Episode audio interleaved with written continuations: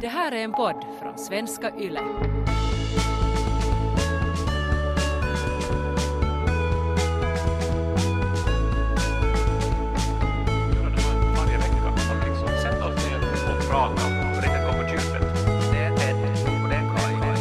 Välkomna!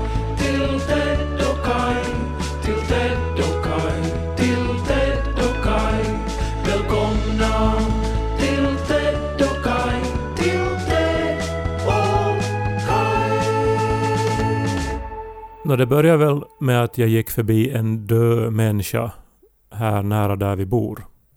Jag gick eh, den vanliga vägen eh, på vägen till stan förbi det här sjukhuset precis som de bar ut en död människa. Hur vet du att människan var död? Nå, för att det var två människor som bar en bår med ett övertäckt lik in i en likbil. Okej. Eh, Men jag har ju gått den här vägen alltså hundratals gånger förstås. Och eh, det här har aldrig hänt förr. Och inte vet jag heller som utöver det hur många gånger jag nu ens har sett ett lik, även om det var övertäckt, men så här in my face ändå på något sätt. Att jaha, här var en död människa. Mm. Hur ska jag reagera? Eh, Jag stannade till. Jag tänkte jag måste ju på något vis, att jag kan ju inte gå förbi. Utan jag måste ju vänta på att de har kört iväg den här bilen eller någonting. Mm. Eh, men sen stod jag och väntade där och så kom det andra människor som gick förbi helt fräckt. Så då tänkte jag att ja, men då går jag förbi också. Mm. Och sen så gick jag förbi. Och så glömde jag det hela. För så är det ju med omän. Att de blir ju omän först senare när det som de har varslat om inträffar. Och man förstår att det måste ju ha varit ett omen det där. Mm. Det måste ju vara ett ganska allvarlig grej som om, om själva omenet, heter det så? Eh, för, för det brukar ju vara sådär att det kommer först ett omen och sen leder det till någons död. Men om själva döden är ett omen så då måste det ju vara någonting ganska allvarligt på väg. Nå, sen på kvällen då så märkte jag att nu hade jag ont i halsen. Och eh, så drack jag lite te och så gick jag och sova. Och så morgonen efter hade jag helt satans ont i halsen. Och eh, så började febern stiga. Och eh, jag är ju, eh, som många män påstås det, men jättedålig på att eh, vara sjuk. Blev ju helt så här löjligt svag och ynklig och låg under duntäcket och svettades. Mm. Niko, eh, det här var ju på jobb, men skickade oroliga meddelanden och lovade köpa vad jag än bad om. Mm. Jag skickade långa listor och fick allt. Mm. Och febern steg. Förstås då anmälde jag mig till coronatest. Testresultatet var negativt, eh, men febern eh, steg. Och eh, två dagar senare hade jag då 39 grader och det har jag inte haft kanske sen jag var, sen jag var eh, barn. När har man 39 grader? Mm. Det är ju typ om man är döende eller har corona eller Ja, något. ja. Man ligger ju och inte kan tänka riktigt. Alltså för att hjärnan är typ överhettad och kroppen är... Allting verkar. Och, och allt känns drömskt på något sätt. Och man förstår ju att liksom, ja men det är ju så här det blir sen när man tappar medvetandet och dör. Att det blir mer och mer otydligt och drömskt och sen så skiljer man inte på det och ja, så kan man inte prata och så. Och så är man borta. Mm. Så här. Och, eh, och Niko kom ju med, med, med soppor och, glass och, och så här och, och tog hand om mig. Och jag åt så mycket ibuprofen att jag fick, fick så här otroligt dålig mage som man ju får. Och, och jag tänkte ju då, för jag har ju lyssnat nu på så många sådana här podcasts där folk har corona. Och i så många fall så är det liksom att de tar ett test och så är det negativt. Eh, men så tar de ett till och så är det positivt. Mm. Så jag tänkte, ja, och så läste jag på då att jag är 95% säker är de här PCR-testerna då. Så att uh, antagligen nu då så har jag ju fått ett, det, det här, det här tjugonde testet som visar fel. Mm.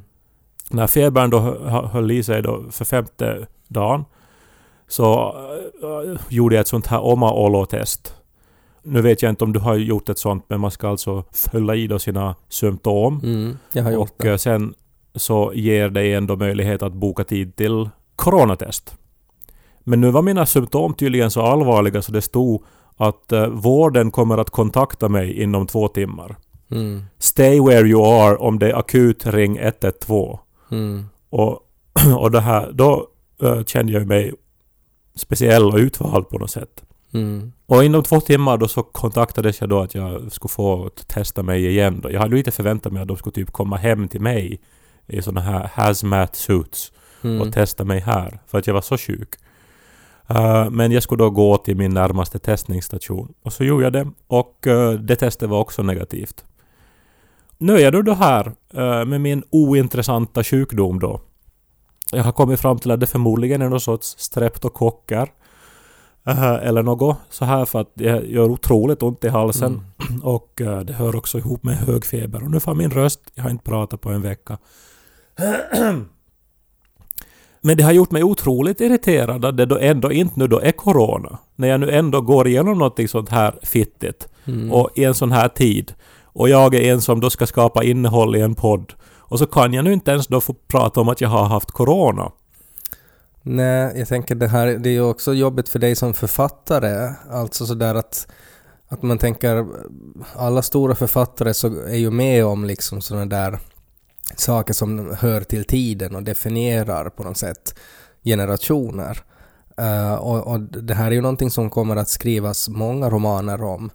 Eh, uh, corona, åren. Uh, eh, och det är ju lite synd då att du är med, i, lever nu under den här tiden men inte har coronan. För att då skulle du kunna skriva mycket bättre om du skulle veta hur det känns att ha corona. Ja, på något sätt, det är ju den enda sjukdomen det har talats om nu ett år. På något vis har det kanske börjat kännas som att det inte finns riktigt några andra sjukdomar. Mm. Sen när man får någon sån här annan sj- sjukdom så då, då, då har man ju... Alltså den är ju värdelös. Den, den, är, den är ju ingenting. Mm. Så här...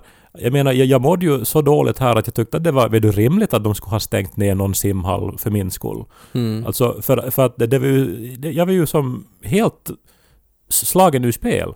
Att läkaren borde ha sagt, alltså då när de kontaktar dig, så borde de ha sagt då att, att, att nu har vi då konstaterat att du har inte corona men att, att det är fortfarande nog extra synd om dig. Uh, och vi kommer, nog, vi kommer nog att stänga ner någonting bara så du ska liksom må bättre. Jag undrar på något sätt, jag skulle det kunna vara liksom en sån här... Alltså jag vet inte om det då är... Det är ju inte medicin, men det är ju som ändå på, på något sätt psykologiskt så här placebo på, på något sätt. Alltså att, att man vet att de har stängt ner någonting för en skull. Och det skulle då göra en friskare på något sätt. Att, man vet, att nu Mm. förstår man att de tar det på allvar. Mm. Och, och nu menar jag inte att vi ska stänga ner förstås hela samhället, men, Nej. men, som, ty, men som någonting. Ja, som så här att, att- man har ändå gjort någonting. Tyvärr, vi har inga mediciner nu som kan få din situation att göra bättre. Men vi har stängt en bensinstation i Kuopio. den, är, den är inte uppe länge på dagarna. Det brukar vara mellan 12 och 3 brukar den vara uppe. Men nu, nu, är den, nu ska den vara stängd. På onsdag ska den vara stängd. Och det här gör vi bara för din skull. Det känns redan bättre bara vid tanken på det här. Puuen purmu puut puussar botning Som talas sit så popna popcorn. Så börjar vi. Popnu denna popcorn. Så börjar vi. Lys på Ted och Kai Men så här på tal om omen eh, och att eh, man eh, läser om saker eller ser saker så börjar man tänka vad det här inbegriper. Så läste jag om en sak att, eh, att forskarna håller på att planera nu att man borde skjuta iväg en, eh, en sorts ark eh, till månen. Alltså så här med ett par av varje djur. Och, eller som. Noaks ark. Nej, det är inte en präst från Essie som har fått den här idén. Eh, Nej men ark, alltså, alltså någon sorts stor jävla båt. Eller vad, vad, Nej, vad alltså det? egentligen, alltså det handlar ju om att man ska samla DNA från så många organismer som finns på jorden som möjligt. Eh, och så borde man, för säkerhets skull, så borde man skjuta iväg det eh, och borra ner det någonstans på månen.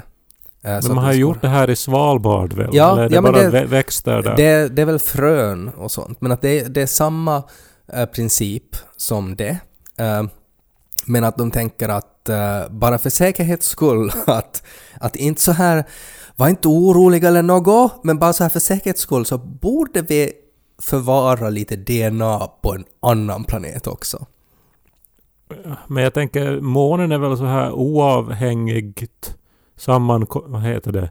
Månen är väl som jättesammankopplad med jorden på det sättet att om nu jorden förintas så är det väl stor chans att månen liksom Eh, är illa ute, så att säga. Eh, ja, ja, alltså det kan ju hända att någon planet lite längre bort så skulle vara ännu mer safe, men då är det ju svårt att få dit det.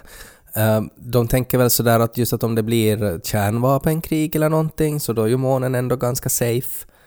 Och att, att den här tanken om att, att även om liksom, att hur vi än fuckar upp det här så borde vi ha så pass mycket teknik och vetenskap kvar så att om vi har tillgång till DNA, uh, färsk DNA från månen, så då skulle vi kunna kanske uh, återskapa det vi har förstört.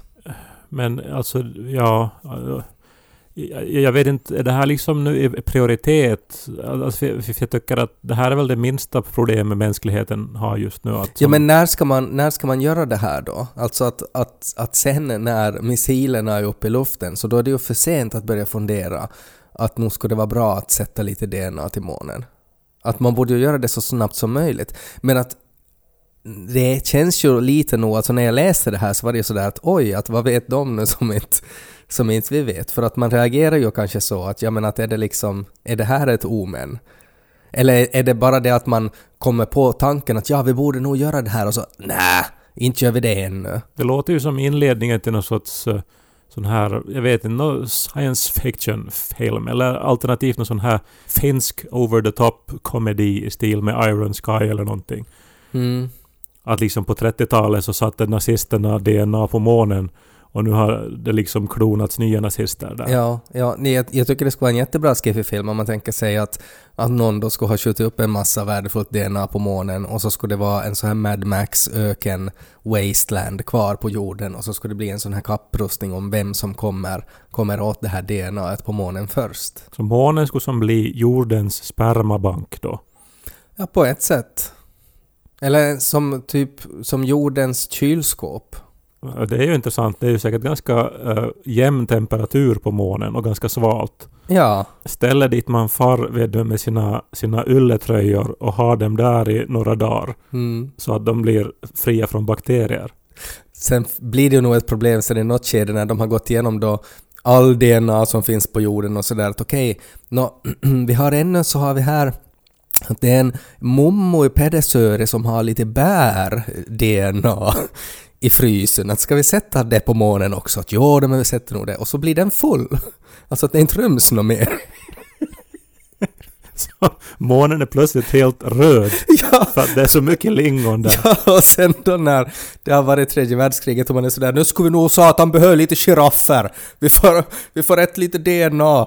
Och så säger de att, att ja, men här står det att det ska vara giraff-DNA men istället så står det blåbär 1962.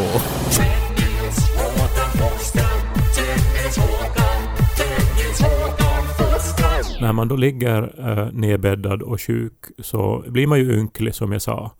Och då är det ju viktigt att ha människor som bryr sig om en ändå. Som min älskade man till exempel då. Som jag sa tog väl hand om mig och tar väl hand om mig. Men på något vis så regresserar man ju till något sorts sån här barnstadium. Alltså jag brukar nästan regressera alltså något århundrade. Att det blir på något sätt så här franska revolutionen-känsla alltid när jag är riktigt sjuk. Alltså att det blir så där att jag, jag vill liksom, jag vill nia folk och säga för och efternamn och att allt känns väldigt så här gammaldags och sådär. att För det känns på något sätt som att man är, man är i någon sorts sanatorium. Uh, och att man kanske, man har inte vanliga kläder på sig utan man hasar omkring med en filt på sig och sådär som man gjorde förr i, i slott. Har potta och nattkärl. ja men det blir ju ofta, jag menar om man har så här att man har spysjuka så har man ju det också. Alltså det känns ju som, det känns som att man lever i en annan tid. Ja, men jag eh, ringde också eh, mina föräldrar, vilket jag ju nog annars gör också. Men nu var det helt uppenbart ändå att jag ringde dem för att jag ville faktiskt prata med dem. Mm. Och det måste ju höra ihop då med att man känner sig krasslig och så är det något sorts sån här latent barninstinkt att ja men då ska jag prata med mamma och pappa. Mm. Nej men säkert är det så. Nå, ja, men det var ju trevligt att prata med dem. Uh, uh, träff, har ju inte träffat dem just alls det senaste året. Uh, Och de morrar nu på där i ES och så vidare. Och, och jag blev ju oroliga förstås då när jag var Mm. sjuk. Mm. Så att sen så, så började de skriva sms lite så här hela tiden. Så här att nå, hur mår du nu då? Mm. Och ville veta vad jag har för feber nu då. Och nå har jag, har jag gjort det här och det här som de föreslog. Eh, Så här vet du trevliga små blixtar av omtanke då som kom till sjuksängen. Mm. Och mammas eh, omtanke så, så visste ju inga gränser då. Eh, hon, hon ringde då eh, igår faktiskt. Eh, och eh, ville hjälpa till med podden också. Oj, det var ju väldigt otippat. Ja, och eh, det, det, det, faktiskt alltså, jag, har nog, jag vet ju att de lyssnar och så här, men det är inte kanske så ofta ändå som de kommenterar podden på det Mm. sättet.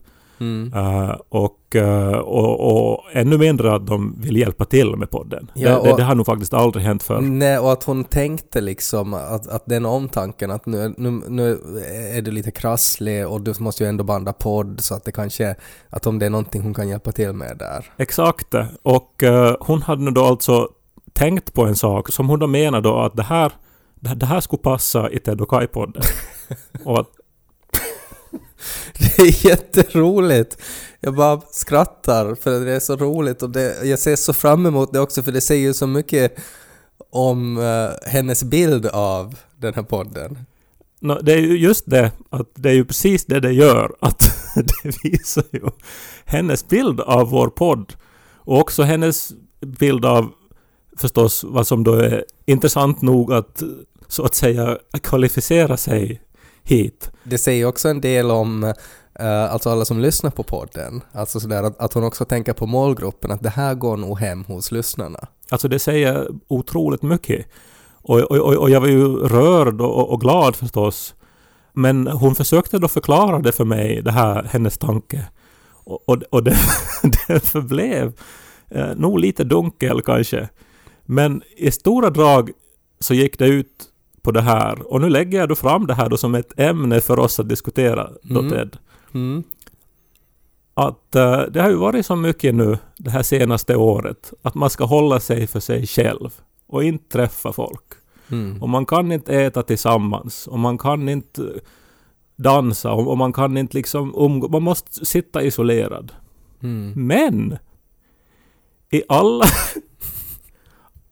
alla tider så har ju med så har ju människan stängt in sig ensam för att kacka. Att då har man alltid varit isolerad. Att varför är det så?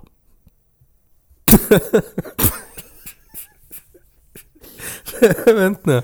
Alltså, alltså är det från vilken från vilket håll närmar hon sig det här? Alltså att är det, är det det att man borde inte vara, alltså att man borde kacka tillsammans? Eller, eller är det på något sätt... Ja, det är lite svårt att förstå vad hon menar. Nej, alltså jag, jag, jag frågar också att, att, att menar du att det borde finnas så här på möbelvaruhusen borde det finnas såna här liksom matbord som skulle vara omgivna av toalettstolar så att man kan på något vis sitta tillsammans då vid ett Ja. bord och uträtta sina behov och diskutera. Mm. Och eh, då skrattade hon och tyckte att det var ju fånigt. Eh, men alltså på något sätt så, så tror jag väl att tanken var att vi har ju alltid eh, varit vana med att socialt distansera oss i vissa situationer. Ja, alltså några minuter det- om, om dagen. Ja. Och sen så, så påmindes jag om att det ju nog fi- finns faktiskt en, en hel del tänkt och skrivet kring det här med alltså människans skam för att ha avföring. Mm. Och överhuvudtaget djurs skam över det hela. Man behöver ju bara se en hund i ögonen när hunden skiter så ser man ju att det, det, det är ju en sak som vi delar med, med hunden. Mm. Att vi helst vill vara i fred och inte visa det här för någon. Mm. Och eh, jag, jag, jag minns att det finns ju en passage i den här eh, väldigt eh, kända romanen Varats olidliga lätthet av Milan Kundera, den här tjeckiska författaren, där det diskuteras om huruvida Jesus hade en analöppning eller inte.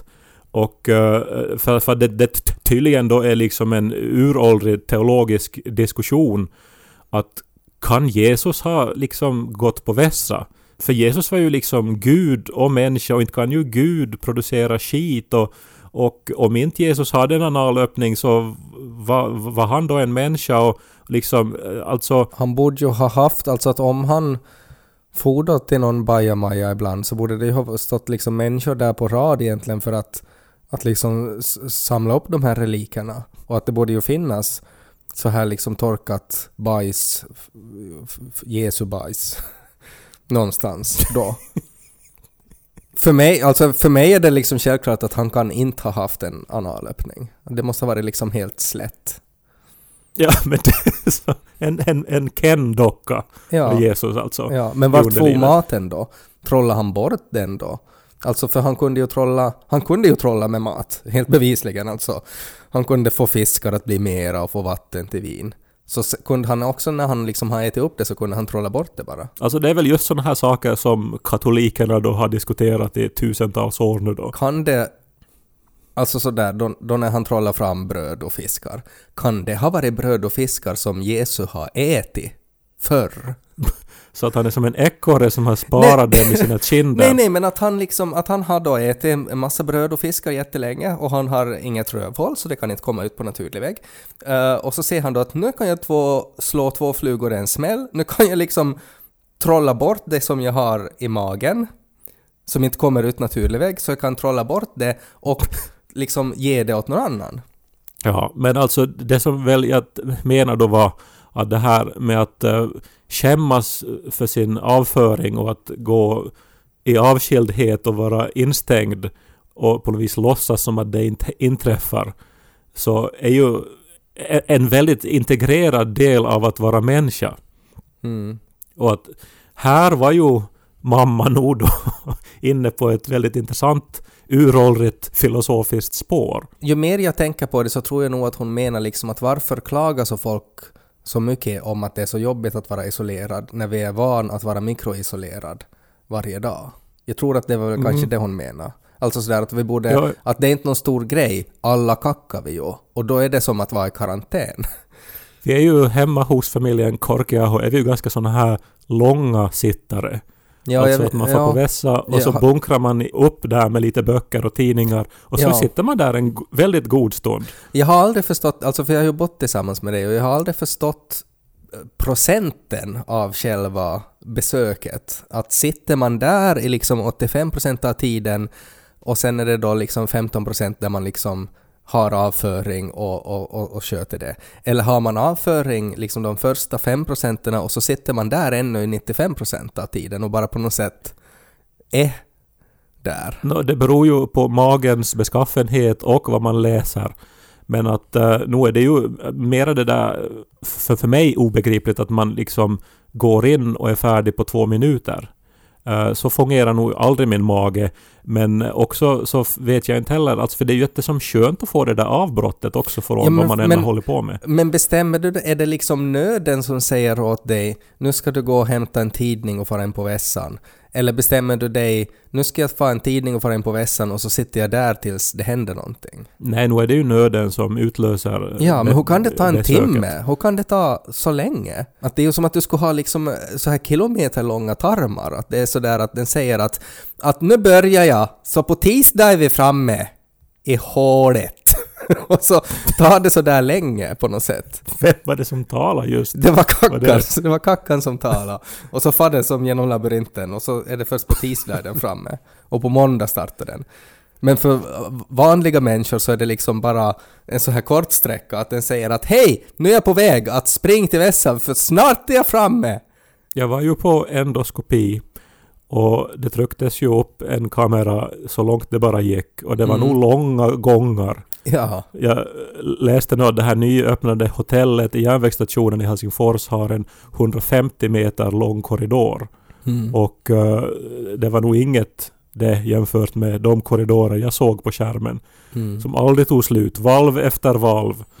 Jag tycker inte att vi ska hänga upp oss på liksom Nej, nu, vi, vi behöver inte... enskilda människors toalettvanor Nej, här. nej, nej, men i familjen Korkeaho så är ni länge på vässan. Och, och din mamma har kanske kan det vara det då att hon upplever att hon blir lämnad ensam? Att, att liksom att när ni alla män i familjen far till vässan så är det som att hon är socialt distanserad för att sen blir hon ensam där då i vardagsrummet och alla andra sitter och har avföring. En mikropandemi Ja, fyra gånger om dagen. ja, No, det är ju en rörande tolkning av det hela. Men jag tänker, för nu, nu är det ju ändå som en skillnad mellan de här, även om våra då, s- sittningar är långa, men det här årslånga lockdownen är ju ändå som... Det, det, det, är inte lätt att se att hon har dragit det här parallellen däremellan.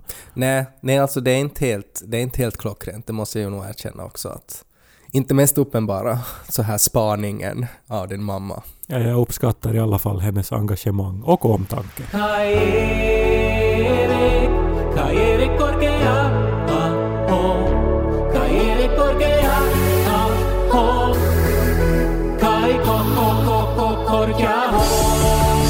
Jag måste bara kommentera en, en, en liten sak som du sa här om att vi delar skammen eh, när det kommer till avföring med, eh, med djurriket och framförallt med hundarna. Eh, och så sa du att, att man behöver bara se en hund i ögonen när de har avföring och så ser man ju hur de känns.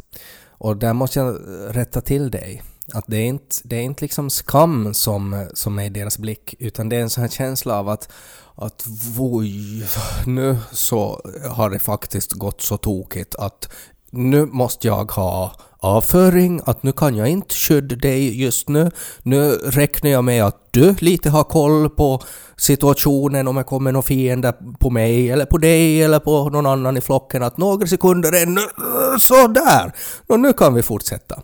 Nu beskyddar jag igen hela flocken. Alltså det är den känslan som de har. Alltså att de är de i princip ber om ursäkt uh, att de har försatt sig i en sån situation att de för några sekunder inte har full koll på, på flockens eh, beskyddande. Och att de litar på att, att någon annan har det just nu. Och därför söker de ofta ögonkontakt för att få den bekräftelse att nu ser du väl just nu att om björnen kommer nu så kommer jag att måste prioritera det här som kommer ur mig. Det är ju en intressant tolkning av den där blicken. Jag måste ha, ha det i tankarna nästa gång jag ser det här hända. Uh, man ser ju mest sådana här småhundar här i södra Helsingfors. Eh, och sen så deras ägare har ju också den här skamfulla blicken uh, då när det håller på. Eh, och visar ju tydligt också för alla som går förbi att de har en sån här påse i handen och att de nog tänker då plocka upp det här sen. Mm. Men jag skulle nog säga att det är liksom en skräckslagen skam man ser. Alltså vitt uppspärrade hundögon. Och sen liksom att, alltså nej, alltså vad är det som är, alltså förlåt! Ja, Alltså men- jag, för, men ja, det kommer mera! Liksom, Nej, men- Det är nog den känslan jag får. Ja men det, alltså det är mera mot skräck nog än skam då, att de är rädda att, att det ska vara liksom att det faktiskt, attacken kommer just nu, när de, när de är totalt oförberedda. Alltså så att det är liksom för det- alltså jag har just läst en, en deckare av Jo Nesbø och eh, då är det ju alltid då när eh, det riktigt gäller då, så då måste han ladda om. Men Harry Håle, eller Hole, jag vet inte hur det uttalas, hjälten är ju väldigt snabb på att ladda om sin Smith Wesson. Mm. Men i alla fall, det är ju alltså de här ändå sekunderna då, när han måste ladda om, som Mm. det är mest dramatiskt. Mm. Så det är som det som hunden upplever när Exakt, han har det är precis samma blick som huvudpersonen i, i de där romanerna har när han laddar om sin revolver. Det är precis samma blick som hunden har när de skiter. No, men, eh, det, här, det här är ju ändå någonting som jag tycker att vi kan ta med oss nu då och lära oss något nytt om våra fyrfotavänner då. Mm. Vi som inte har tänkt den här tanken tidigare. För Mm. jag tyckte det här faktiskt var lite ögonöppnande. Mm. Men varför har inte människan en sån... För den där tanken tänker nog inte jag när jag då sitter på toaletten. Att nu, nu är Niko i fara. Nu är hemmet eh, värnlöst här. Mm. Och att nu, nu liksom... Nu har jag panik.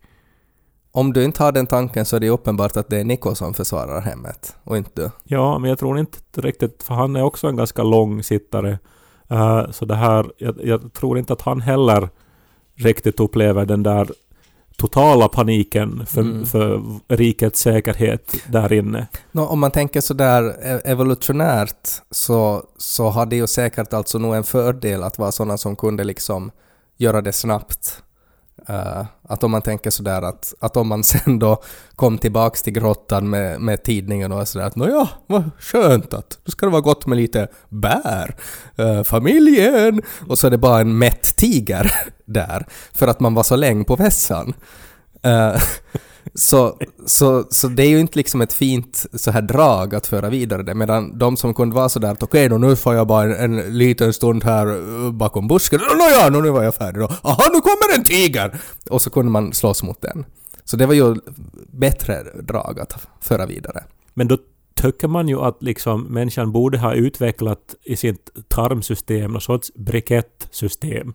Så att det skulle som vara mera hanterbart, mera så här liksom några enheter som är tydligt avgränsade och sen är det färdigt för den gången. Mm. Och inte just det här att man, att man- ja vänta nu, jag, mm, måste nog sitta Nej, men tag och se, oj, ja men nu händer det mer och nu, och nu kommer det lite gas Ja, och så här. no, det var ju nytt för mig det här alltså att det finns munkar som har spekulerat kring Jesus anal.